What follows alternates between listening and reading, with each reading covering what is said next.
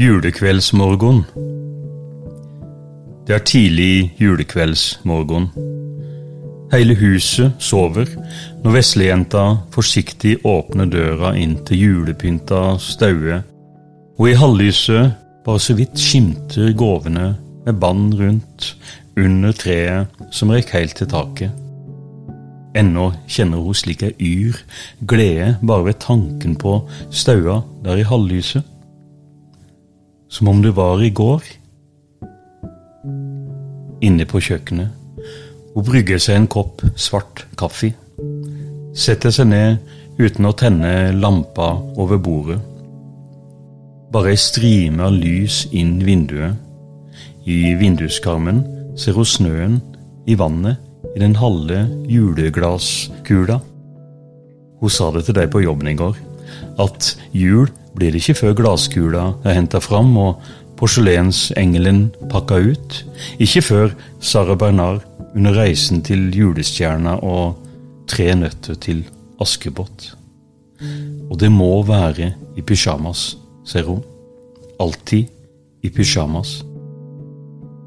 Og på kontoret, den ene etter den andre. Blir ikke jul før Fanny og Alexander. Ikke før 'Grevinnen og hovmesteren og Love Actually. Først når moltene fra tante Liv på Dombås er i hus, er det jul, sier de. Dagene før jul er et fotografi tatt med liten blenderåpning og kort lukkertid. Kaffen er litt svartere på denne tida av året, og hundene i gata kan ta til å gjøy frostrøyk hva tid som helst. Dagene før jul, da vi ikke helt finner oss sjølve det vi leiter etter, og i stedet leiter fram de små tinga vi veit har vært der hele tida. Vaner og skikker, atterklangen det som får oss å kjenne at verda ennå henger sammen på et vis. Den sølvlakkerte makaronipynten fra 83 hun ikke har hatt hjerte til å kaste. Makaronijuletreet med det røde magebeltet i silke. Nordnorsk julesalme på radioen. Tuss og troll og vangskutene, hun veit naboen aldri klarer seg uten. I denne stille morgentimen, når huset søv og kjøkkenglaset går fra svart som i en sekk til å bli kongeblått nesten.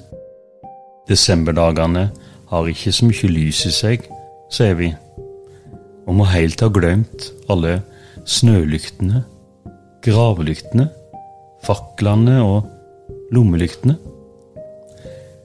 Pluss planeten Venus når han i oransjegult skjær en tidlig ettermiddag legger seg tett inntil månen. Vi mennesker også. Litt tettere sammen. Den gangen som lita jente. Hun glemmer det aldri. Det var under julekveldsmiddagen de oppdaga fuglereiret i treet.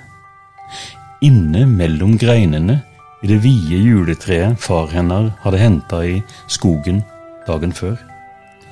Tjorereiret ingen hadde lagt merke til, for søster hennes, sier hun, hører fuglelyer.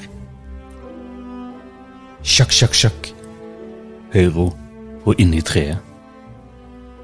De tok seg tida til å ete ferdig. Men så snart ribba og surkålen, riskremen og rødsausen var unnagjort, ser deg nøyere etter, bøyer en grein til sides, og jammen sitter ikke ei sjor der inne mellom greinene. Ei feit sjor er blitt med inn fra skogen, og det på sjølvaste julekvelden.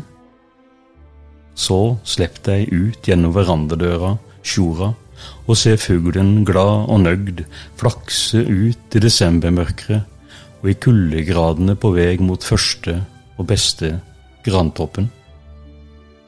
Et fint juleminne, det også. Som en drøm, nesten.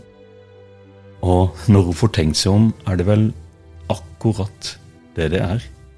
noe hun må ha drømt. Drømmer og minner som glir litt over i hverandre på denne tida av året. Fra kjøkkenet ser hun morgenen komme med gull over blåstolen og store trolltind. Hun la i ei julefortelling en gang om gasslyktene du på 1800-tallet kunne finne i gatene i de store byene. Kanskje det var hos Charles Dickens. Om lyktetenneren.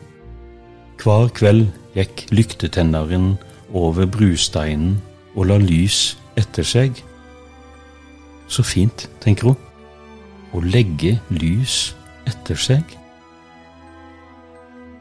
Lyktemannen over blåstolen og store trolltind legger også lys etter seg på sin måte.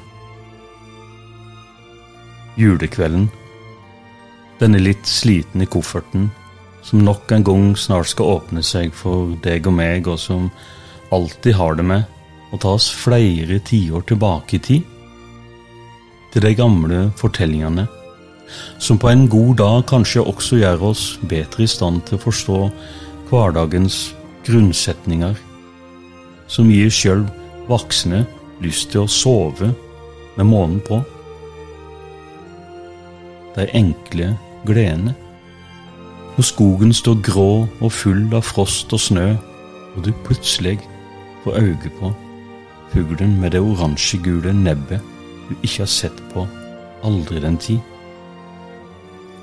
Det er først med de enkle gledene det blir jul.